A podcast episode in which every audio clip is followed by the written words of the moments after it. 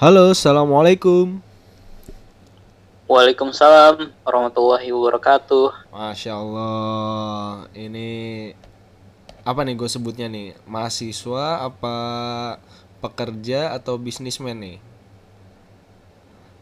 Sebutnya eh pekerja kalau buat sekarang ya. Soalnya Oh. gue baru lulus kan ya. Oh, oke oke oke.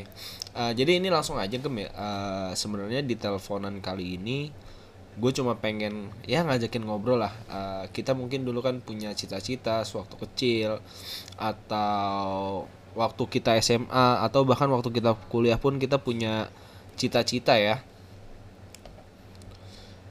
Iya bener banget. Nah, eh, sebelumnya sekarang lu lagi sibuk ngapain sih Gem?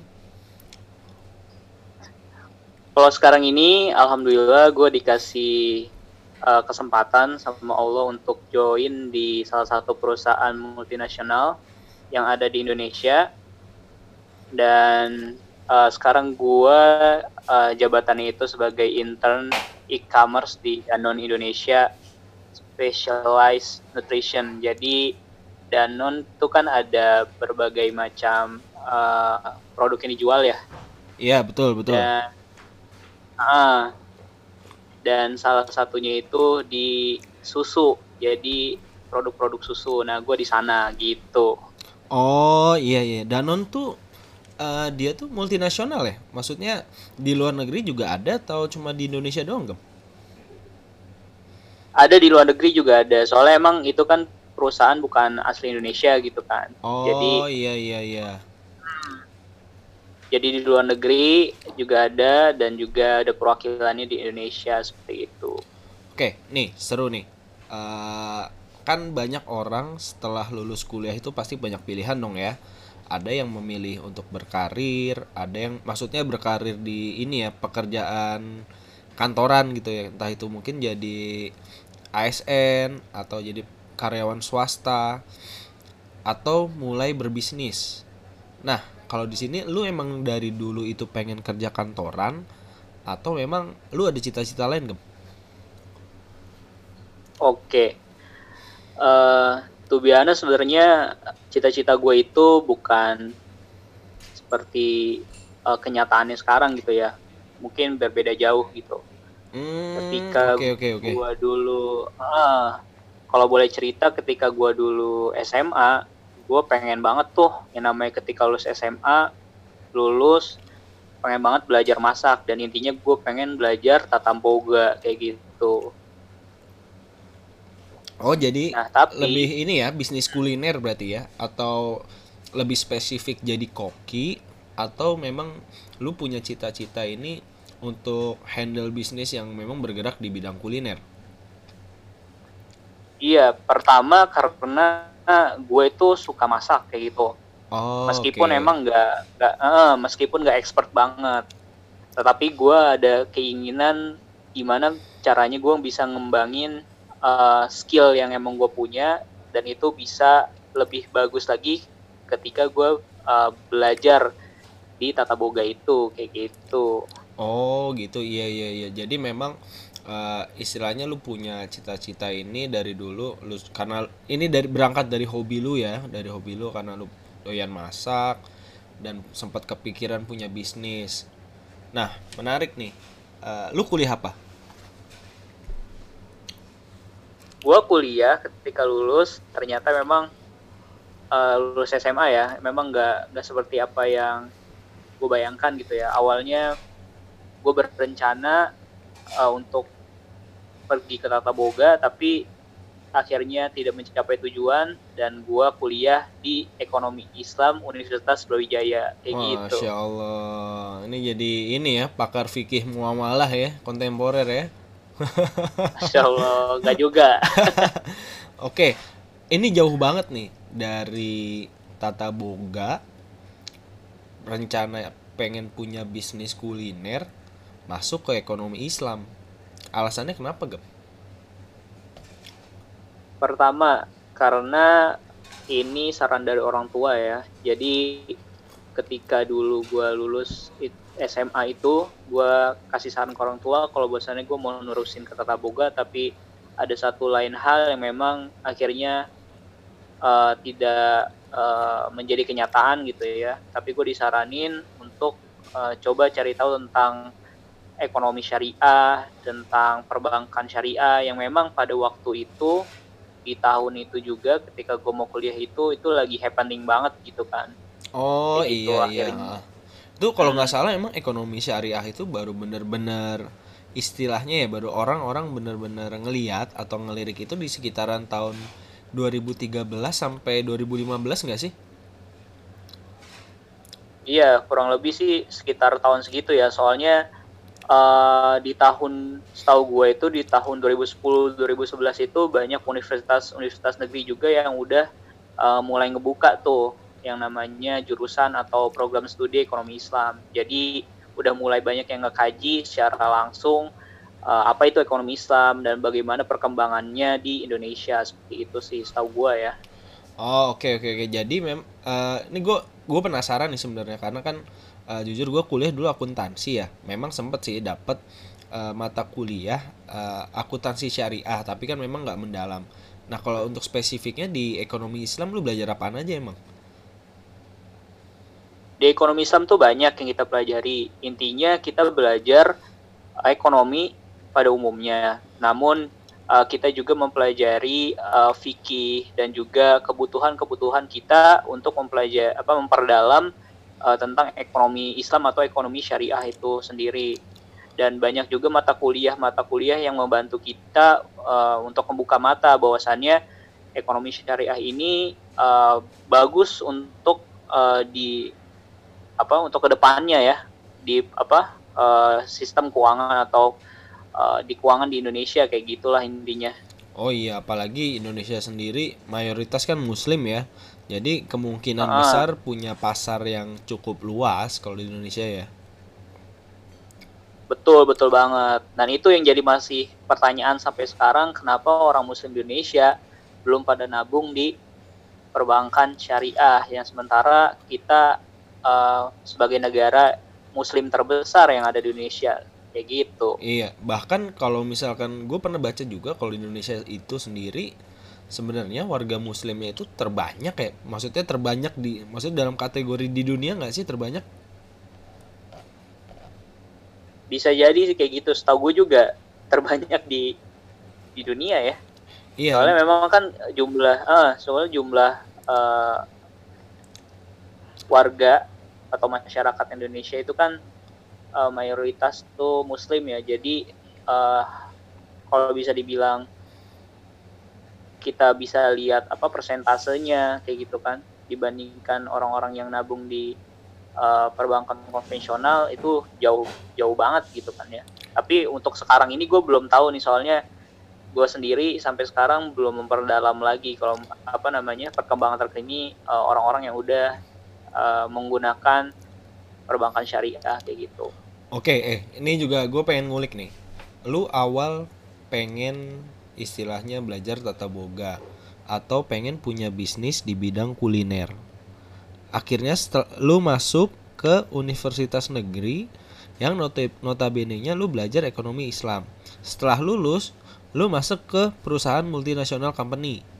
Nah, itu apa tuh kira-kira alasan lo? Kenapa akhirnya lu memilih untuk istilah berkarir dulu ya uh, eh, gue bilang karena memang setiap orang kan punya pilihannya masing-masing kayak gue dulu jujur uh, dari SMA sebenarnya dari SMA gue suka dagang.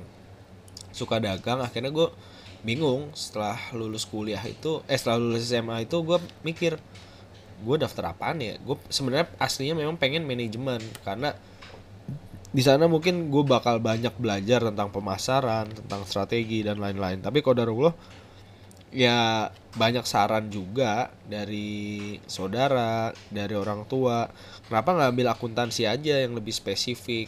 Kayak gitu. Akhirnya ya udah kalau gue sendiri gue ngambil akuntansi tapi gue tetap belajar tentang ilmu-ilmu marketing ilmu-ilmu manajemen kayak gitu.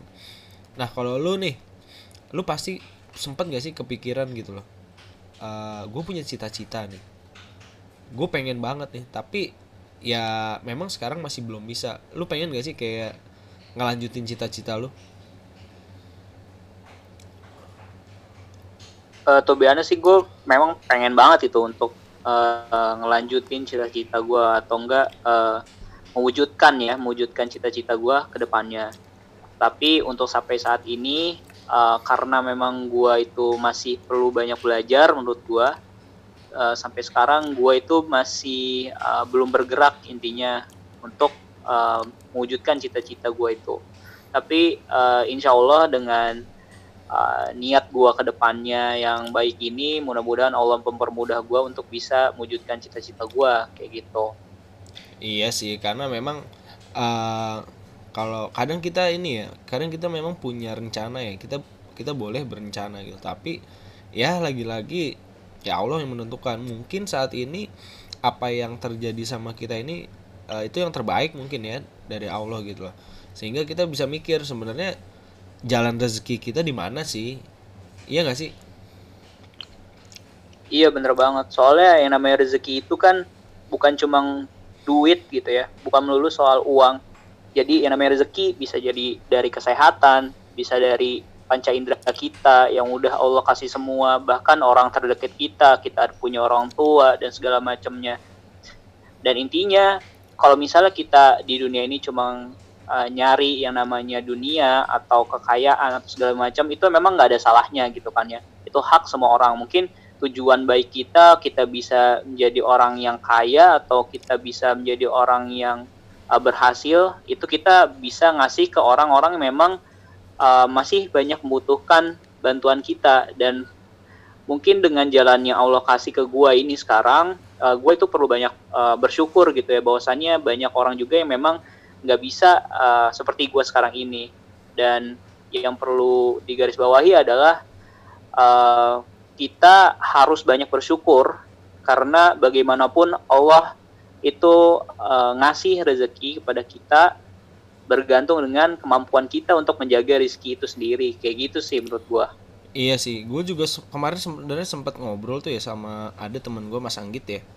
Uh, gue dapat banget poinnya gitu loh.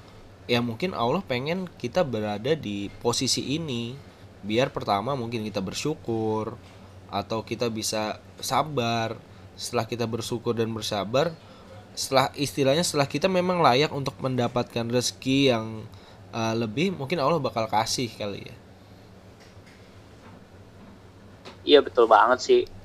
Dan salah satu tadi lu juga sempat uh, nyinggung ya kenapa akhirnya gue ketika lulus dari ekonomi Islam gue nggak ngelanjutin tuh ke arah uh, bidang itu gitu kan nah, ya iya uh. Uh, per, hmm, nih gue mau sedikit jelasin. Yang pertama karena alhamdulillahnya ketika gue apa belajar di Malang yeah. di iya. Universitas Brawijaya itu gue banyak ketemu teman-teman yang emang ngebuka hati gue ngebuka pemikiran gue mengenai ekonomi Islam yang begitu luas iya luas pada banget uh. intinya hmm, pada intinya uh, yang namanya ekonomi Islam yang namanya muamalah itu uh, apa sebagai apa ya kita tuh harus mengacu pada yang namanya Al-Quran dan Sunnah dan ah, kita nggak boleh iya. lepas dari itu. Iya iya betul betul. Uh, betul. Ketika ketika kita uh, mencoba untuk uh, memberikan sesuatu yang baik kepada masyarakat,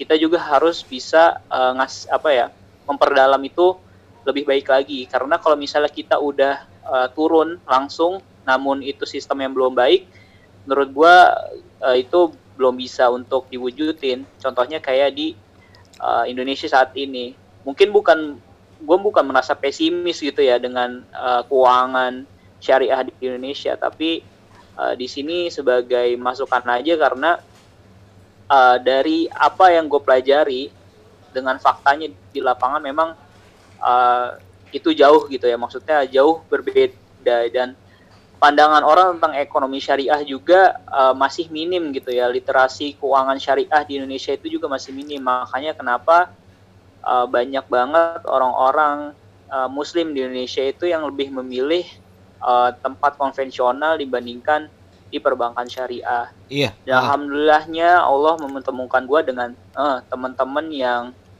uh, baik gitu ya, teman-teman yang memang udah memperdalam tentang ekonomi syariah ini, tentang ekonomi Islam ini, tentang bagaimana cara kita amalah secara uh, baik gitu ya sesama manusia itu dengan mempelajari uh, ekonomi syariah yang sesuai dengan uh, tuntunan Quran dan Sunnah. Iya sih. Yang pertama uh, itu adalah literasi ya. Itu. Uh, literasi uh, karena yang kalau gue ngeliat juga ya termasuk gue sih sebenarnya gue juga gue gue gue sedikit banyak tahu lah tentang konsepnya yang ada sekarang gitu ada mungkin kalau kita fasilitas-fasilitas yang diberikan kan uh, misalkan kita mau titip apa tuh namanya kalau misalkan kita cuma nitip duit tuh ada kan ya fasilitas-fasilitasnya tuh? Wadiah wadiah. Iya wadiah. Iya namanya wadiah. Terus misalkan ada yang bagi hasil juga ya kalau nggak salah. Mm -hmm. oh. Untuk roba. Ya kayak gitulah. Jadi uh, intinya di Indonesia sebenarnya sistemnya itu udah cukup uh, baik gitu ya. Cuman memang belum 100% syariah. Kenapa gue bilang kayak gitu? Karena memang sistem secara di lapangannya yang memang nggak seperti itu gitu kan ya. Oh, Contohnya, oke okay, oke okay, okay. uh, banyak kegiatan juga yang di perbankan syariah itu yang keluar jalur ya intinya gitu. Uh. Dan itu sebenarnya sih PR bagi kita semua. Oke. Okay, uh. Orang-orang yang memang uh, orang-orang yang memang uh, praktisi atau bahkan apa gua sebagai lulusan ekonomi syariah yang harus uh, harusnya ya memperjuangkan itu supaya bisa lebih baik lagi. Tetapi uh, di sini nih yang menjadi uh, apa ya uh, ragunya gua untuk bisa uh, maju ke sana. Karena um, yang namanya riba itu gue masih langsung ke riba ya. Iya ya memang ini nih. ujian Allah itu kan beda-beda. Ah, ah, ah, ah. karena memang kalau orang dengar kata riba tuh sebenarnya kalau gue ngeliat kayaknya agak sensitif ya. Iya nggak sih? Maksud gue eh, nggak uh, tahu ya ini perasaan gue aja atau enggak mungkin banyak juga orang yang mulai belajar tentang apa itu riba segala macam. Tapi justru banyak juga sebenarnya eh, orang-orang yang tahu kata riba tapi kayak enggan gitu loh untuk mempelajari lebih dalam iya nggak sih? Iya bener banget.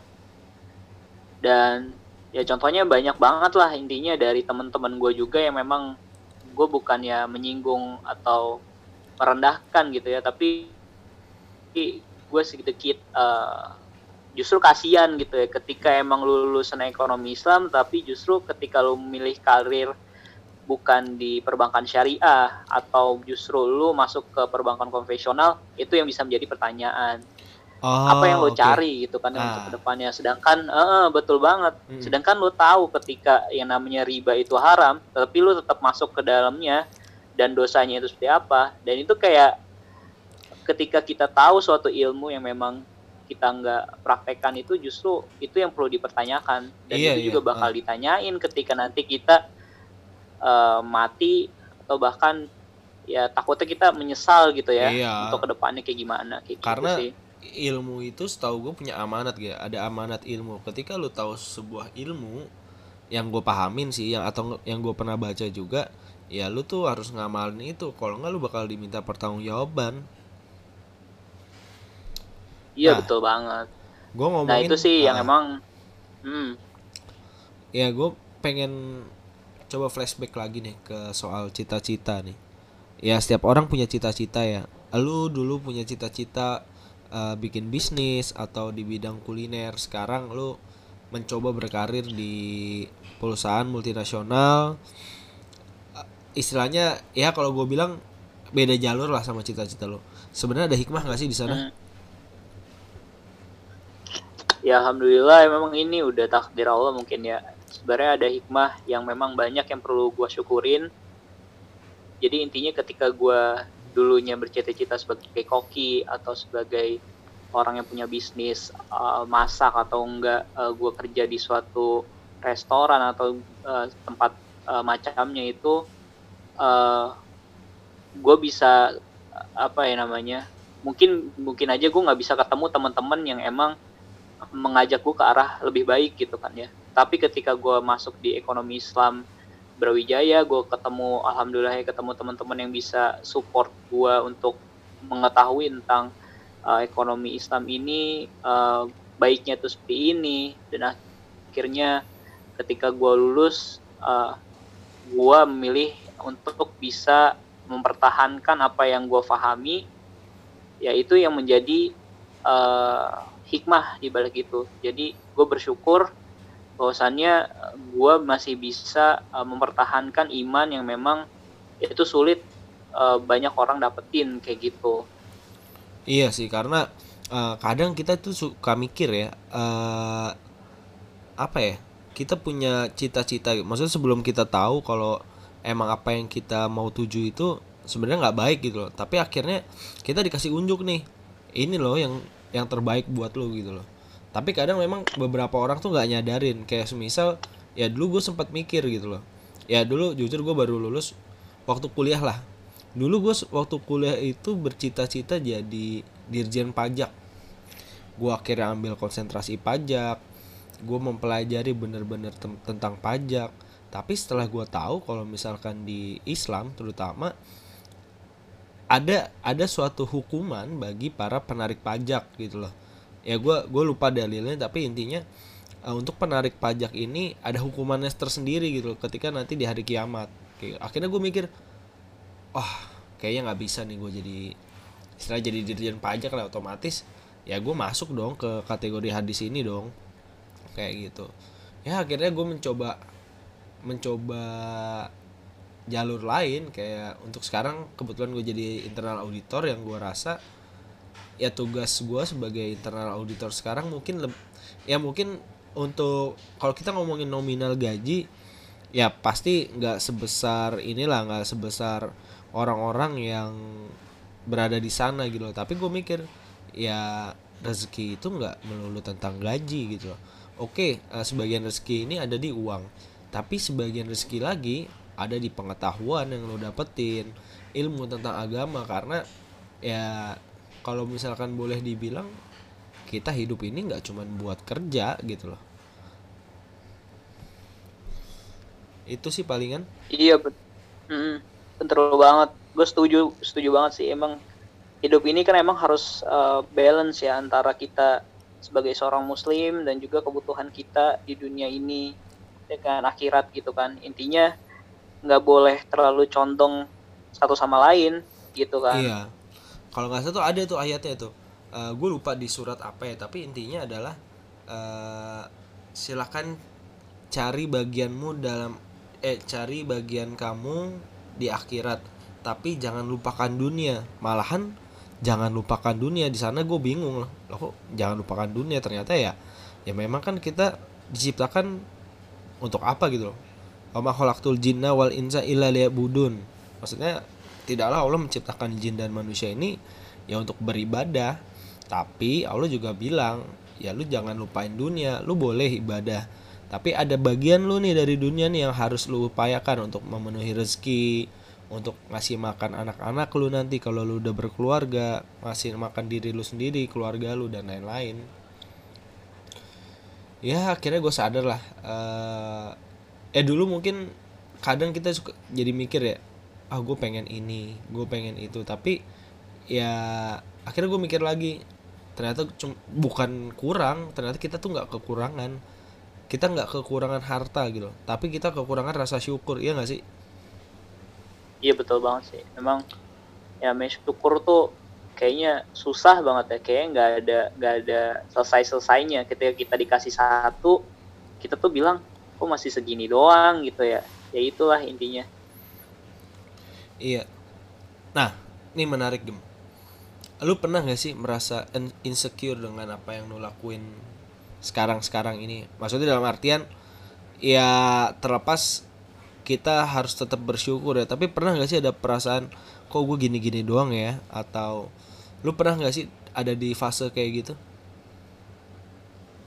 Uh, untuk pertama ketika gue lulus ya, mungkin itu yang gue rasain banget gitu kan uh, ketika gue lulus gue tuh sempat kayak mikir gitu ya. Gue lulusan ekonomi Islam gitu kan tapi gue pribadi uh, gak pengen untuk berkarir di ranahnya itu sendiri. Dan gue harus survive dong gimana caranya gue bisa uh, berkembang bukan di uh, tempat asalnya gitu kan ya sedangkan apa namanya apa background gue kan ekonomi syariah. Dan akhirnya uh, ya dari situ gue banyak belajar sih. Maksudnya ketika gue memang sekarang belum dikasih kerjaan yang memang uh, proper gitu ya sama Allah ya di intinya gue harus banyak belajar dan juga banyak usaha gitu kan. Karena e, bagaimanapun semua itu udah ada yang ngatur dan bagaimana caranya kita aja untuk e, terus bersyukur gitu kan. Walaupun yang didapat itu belum banyak tapi ya itu yang harus disyukurin. Iya, karena uh. banyak juga hmm, banyak juga orang-orang yang emang nggak bisa seperti kita kayak gitu. Iya faktanya kayak uh. gitu kalau bener banget bener. Ini ini gue menarik ya menarik banget. Gue lulus tahun 2019 di bulan April. Saat itu ketika gue baru yudisium ya gue intinya gue mencoba untuk mencari pengalaman lah untuk daftar di salah satu kantor akuntan publik di Jakarta. Nah di salah satu di salah waktu gue lagi tes ada salah satu orang yang memang ya gue nggak ya dari salah satu universitas di Jakarta dia tes bareng gue tes akhirnya ya kodarullah ya gue doang yang kepilih untuk uh, masuk di KP itu. Akhirnya berjalan beberapa bulan akhirnya gue pindah di kerjaan gue yang sekarang dan alhamdulillah udah tujuh bulanan lah ya.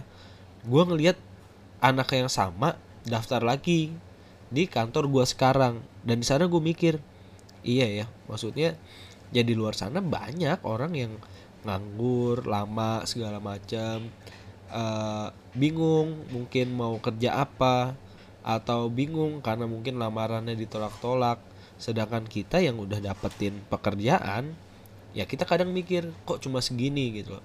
Akhirnya itu jadi tampolan sendiri buat gue iya sih. Ya mungkin Allah uh, bukan Allah nggak sayang gitu loh sama gue gitu. Tapi Allah tuh pengen gue nih bersyukur dulu gitu. Lihat tuh orang-orang lain masih banyak yang struggle untuk cari pekerjaan. Sedangkan lu udah gue kasih nih mana rasa syukur lu? Kayak gitu sih. Itu itu bener-bener waktu gue ngeliat ah itu orang yang waktu itu ya. Ya gue ngeliatnya uh, dua sisi. Di, di di satu sisi gue ya empati lah uh, karena memang dia uh, masih struggle untuk cari pekerjaan. Di satu sisi nampar juga buat gue iya sih gue harus bersyukur memang. Ya. Nah kan lu baru lulus nih ya. Lu uh, pasti banyak lah uh, dapat nasihat atau masukan dari orang tua lu. Sebenarnya ada nggak sih uh, nasihat-nasihat dari orang tua lu itu yang lu pegang sampai sekarang sampai lu ya udahlah gue uh, coba berkarir di perusahaan multinasional dulu gitu loh. Ada gak sih yang masih lo pegang gitu pertama sih ketika gue lulus juga alhamdulillahnya orang tua gue emang udah tahu gitu kan ya. Sedikit banyak tahu mengenai uh, apa namanya uh, keuangan syariah atau lain-lainnya gitu ya. Dan uh, mereka akhirnya support gue dan juga terutama keluarga gue juga support gue untuk bisa berkarir di mana aja yang memang kita tahu bahwasannya apa yang kita hasilkan itu yang pertama itu adalah uh, hasil yang halal kayak gitu kan ya. Intinya kayak gitu. Jadi uh, orang tua gue sampai saat ini uh, alhamdulillahnya terus nge-support gue sih. Tapi dengan inti apa dengan masukan tuh bahwasannya gue harus cari perusahaan-perusahaan yang memang sudah jelas uh, apa namanya bisa ngasih uh, ke gue itu harta yang halal dan juga insya Allah uh, toyib gitu ya. Ah, dan bisa bermanfaat bagi gue kayak gitu. Iya iya bener banget. Karena di sini mungkin ya kadang ya kita kita nggak nggak bisa menafikan ya kita sebagai manusia ini lemah pasti butuh diingatkan kan ya. Gue sempet tuh uh, ya ini gue pernah berada di titik terendah gue sih sebenarnya. Dalam artian gue merasa insecure dengan diri gue sendiri. Gue ngelihat waktu gue baru lulus ya waktu gue kerja di salah satu kantor akuntan publik ya itu kantor akuntan lokal. Jadi kalau lu ngomongin salary jauh lah di atas yang maksudnya yang internasional lah ya. Gue sempat ngobrol Iya, iya. sama nyokap gue Eh, mah kayaknya mau cari kerjaan lagi deh segala macam. Intinya ya gua rasa karena gua lagi-lagi kurang bersyukur gitu loh akhirnya gue denger nasihat dari nyokap gua yang yang itu bener-bener ngena banget di gua gitu loh. Ya intinya kalau dari nyokap gue bilang ya di dunia ini nggak ada yang instan gitu loh.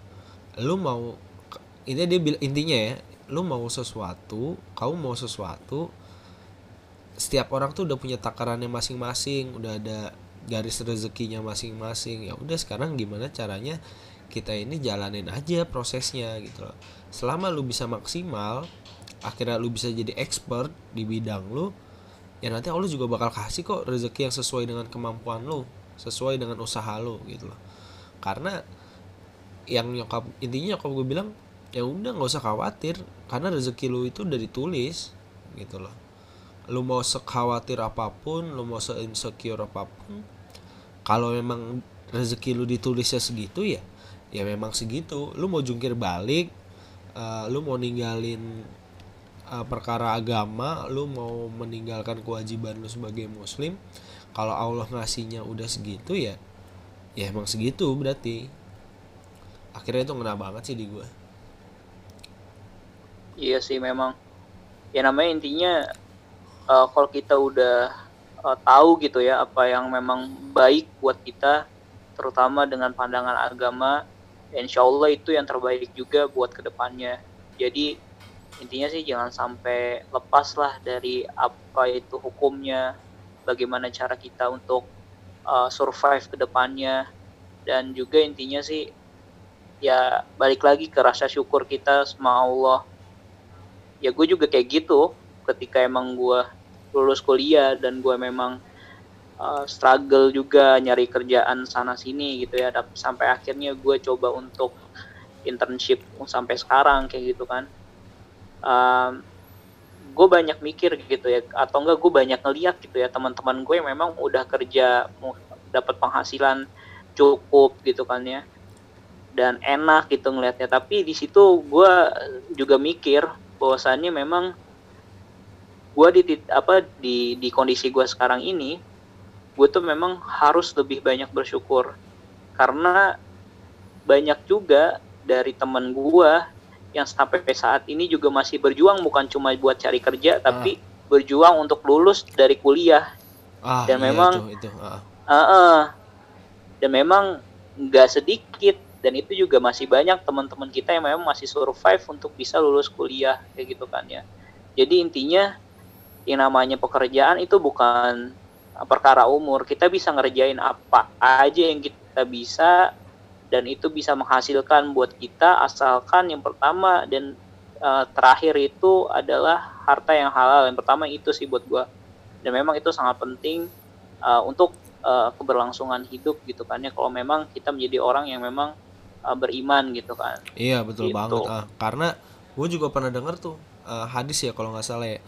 Semisal ada daging yang tumbuh eh, dari harta yang haram itu neraka lebih berhak atas daging itu. Iya nggak sih? Gue lupa eh, redaksinya. Iya betul banget. Hmm. tapi setelah gue baca itu kayak wah gila ya. Berarti ketika gue makan harta yang bukan hak gue yang pertama atau harta yang memang sudah jelas-jelas haram gue tahu itu haram tapi gue tetap lakuin ketika itu jadi daging ya wallahu alam gitu. Kalau lu nggak tobat ya itu neraka lebih berhak gitu loh atas daging itu. Cuman gue lupa masalah redaksinya tapi intinya seperti itu. Jadi kita bukan cuman perkara nyari pekerjaan segala macam tapi kita juga harus ngeliat nih halal apa enggak nih? Karena urusannya bukan cuma buat perut tapi di akhirat. Iya bener banget. Apalagi kalau misalnya kita udah sampai tua gitu ya, sampai tua masih di tempat itu, kita udah punya anak, kita masih ngasih makan anak kita pakai harta yang haram, ya seperti yang lu sebutin tadi, intinya kita ngasih makanan yang memang yang tumbuh di daging di anak kita yaitu harta haram dan memang ada ada kemungkinan juga itu harta itu masuk ke uh, anak-anak kita. Dan kasihan juga kan sebenarnya itu kan keluarga kita apalagi kita sebagai cowok gitu ya. Ketika misalnya nanti kita nikah kita sebagai imam harusnya kan kalau misalnya yang sepengat, apa pengetahuan gua yang namanya laki-laki itu harus menjadi imam dan juga mengantarkan keluarganya ke surga kayak gitu. Dan itu menjadi PR bagi kita gimana caranya untuk cari harta yang memang benar halal.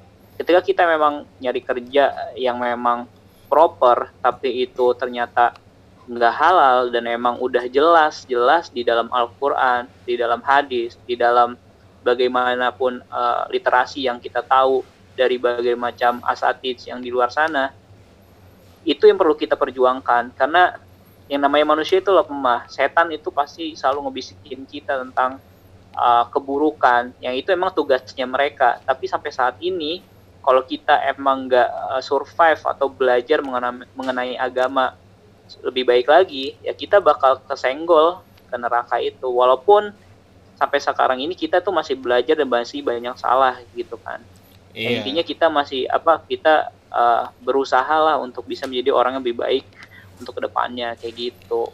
Iya sih uh, jadi intinya ini ya uh, ya mau apa pun yang lu kerjain atau mau apa pun ya mungkin mungkin lu dulu punya cita-cita gitu loh. Tapi cita-cita lu tuh nggak tersampai. Tapi Allah ngasih ke lu sekarang kerjaan yang memang lu tahu ini halal dan baik buat lu ya kenapa enggak gitu loh. Kenapa lu harus terus maksain cita-cita lu yang ya lu belum tahu gimana nantinya. Kayak gitu. Iya betul banget sih. Ya mungkin itu aja sih gem ya. Uh, obrolan kayak ini ya yang bisa gue tangkap adalah ya seenggaknya kita harus banyak-banyak ngeliat ke bawah lah. Dalam artian ya ini juga nasihat buat diri gue sendiri ya terutama ya. Karena gue juga masih lemah dan banyak kekurangan ya gue pribadi harus banyak-banyak ngeliat ke bawah karena kita ngeliat sekarang banyak yang di PHK banyak yang belum dapat kerjaan bahkan banyak yang ya kalau gue kebetulan gue di kerjaan gue gue sering turun ke lapangan dan ngeliat orang-orang di pasar ngeliat orang-orang di gudang. Ya mereka cuma digaji berapa sih paling? Tiga puluh ribu coy sehari buat ngangkat-ngangkat dari pagi sampai sore. Kayak uh, masa gue masih nggak bersyukur gitu loh dengan apa yang gue dapetin sekarang? Kayak gitu. Ya oke. Okay. uh, thank you gam atas waktunya. Uh, sukses buat lu ke depannya semoga Allah Amin. selalu memudahkan lu uh, atas segala urusan lu. Dan semoga lu selalu diberkahi uh, dengan harta yang halal dan toib. Amin robbal alamin oke sekian. Uh, wassalamualaikum warahmatullahi wabarakatuh. Waalaikumsalam